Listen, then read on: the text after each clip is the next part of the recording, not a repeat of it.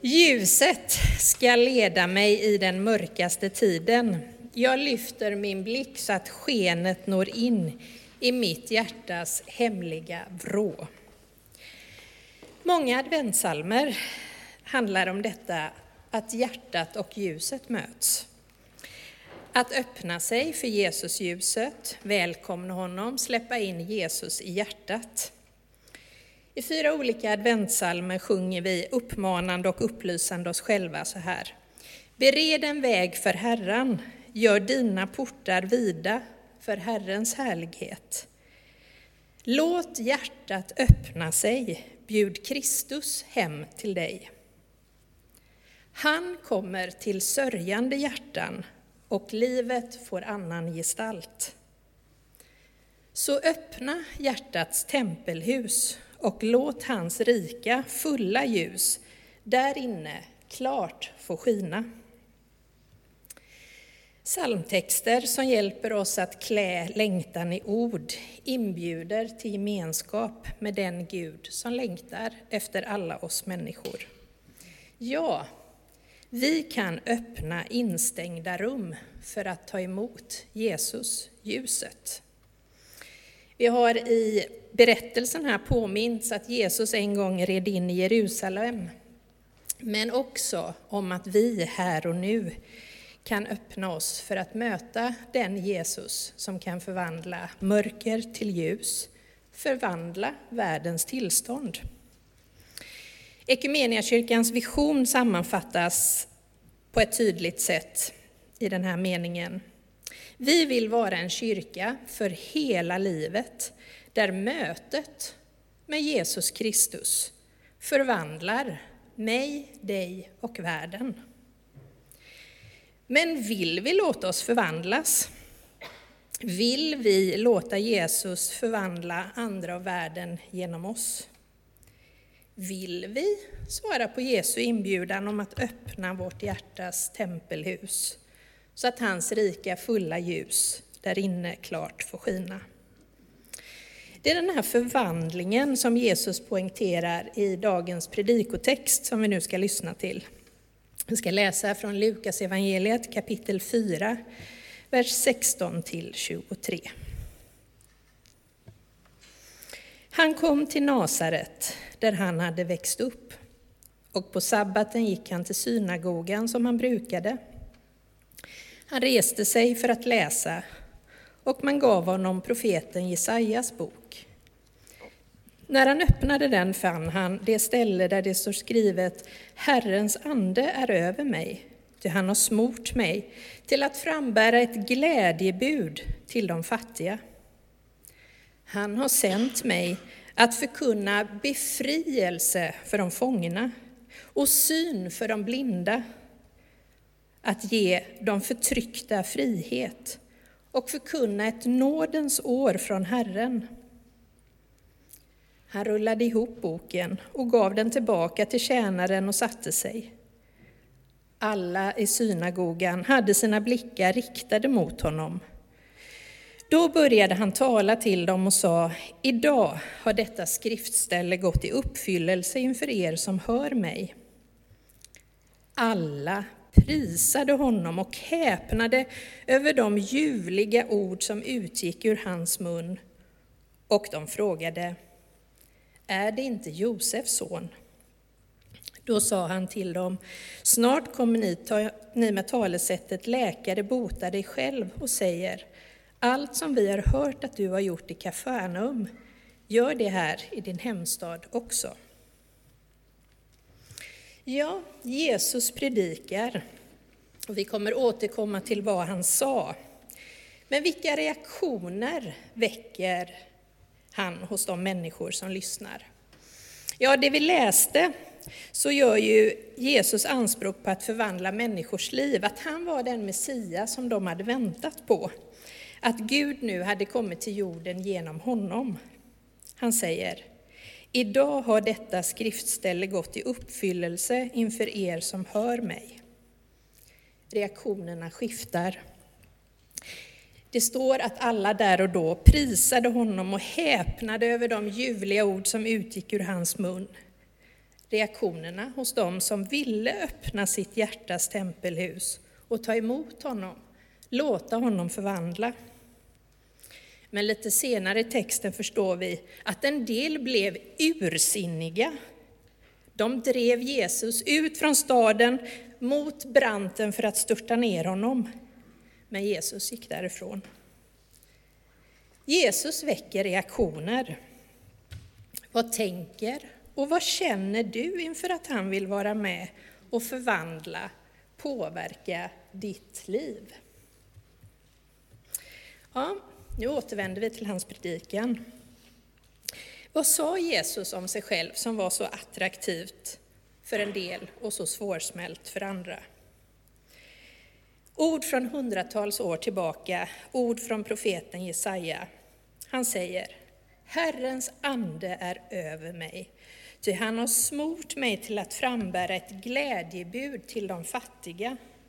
Han har sänt mig att förkunna befrielse för de fångna och syn för de blinda, att ge de förtryckta frihet och förkunna ett nådens år från Herren. Plötsligt går de gamla välkända orden i dagen med en ny laddning. Det som varit en längtan genom en så lång historia blir nu verklighet. Från en dunkel liten synagoga i Nasarets gytter ringlar sig en ny ton fram. Längst bort i marginalen, där de fattiga samlas, de materiellt utblottade, de som är fattiga på kunskap och självtillit, ringlar sig en glädjens ton fram.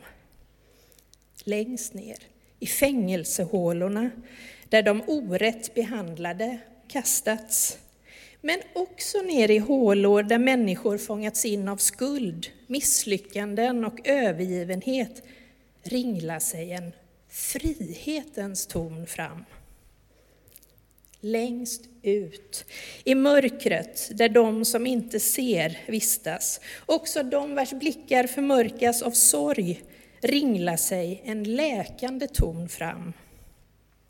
Längst in i det frostiga människoföraktet där de förtryckta fastnat ringlar sig en befrielsens ton fram. För Jesus står orden som han läser för andlig, social och politisk nöd. Han skiljer inte mellan inre och yttre fångenskap. Han ser människan som en helhet. När nu Guds rike bryter in vill han att det först ska höras en ny ton bland de som hamnat längst bort, längst ner, längst ut. Och det blir en sån laddad förväntan. Jesus som stått upp och läst sätter sig ner och så hörs det. Idag har detta skriftställe gått i uppfyllelse inför er som hör mig. Det ligger, tycker jag mig, en särskild tyngd vid ordet idag. Idag.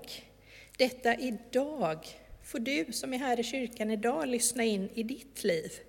Idag är inbjudan. Så öppna hjärtats tempelhus och låt hans rika fulla ljus där inne klart få skina. Befrielsens möjlighet är inte långt borta, utan alldeles intill dig. Han rullar ihop skriftrullen, lämnar tillbaka till tjänaren. Och det säger oss något mer, att ordet har blivit människa. Att Guds ord allra klarast möter oss i Jesus från Nasaret, där vi läser om honom, hans liv, vad han berättade, allt han gjorde. Det är då vi ser vad som idag är fattigdom, fångenskap, blindhet och förtryck. Det är där hos honom som vi anar tonen som ringlar sig, som vill nå fram. Där när han står och predikar denna gamla Jesaja-text i Nasarets synagoga får vi också ta emot hans predikan som en agenda för kyrkan. Jesus vill vända sina lärjungar mot hela världen, utmana oss att känna igen den andliga, sociala och politiska nöden. Och vi får vara med att förverkliga ett jubelår för de människor som är bundna och lever under förtryck.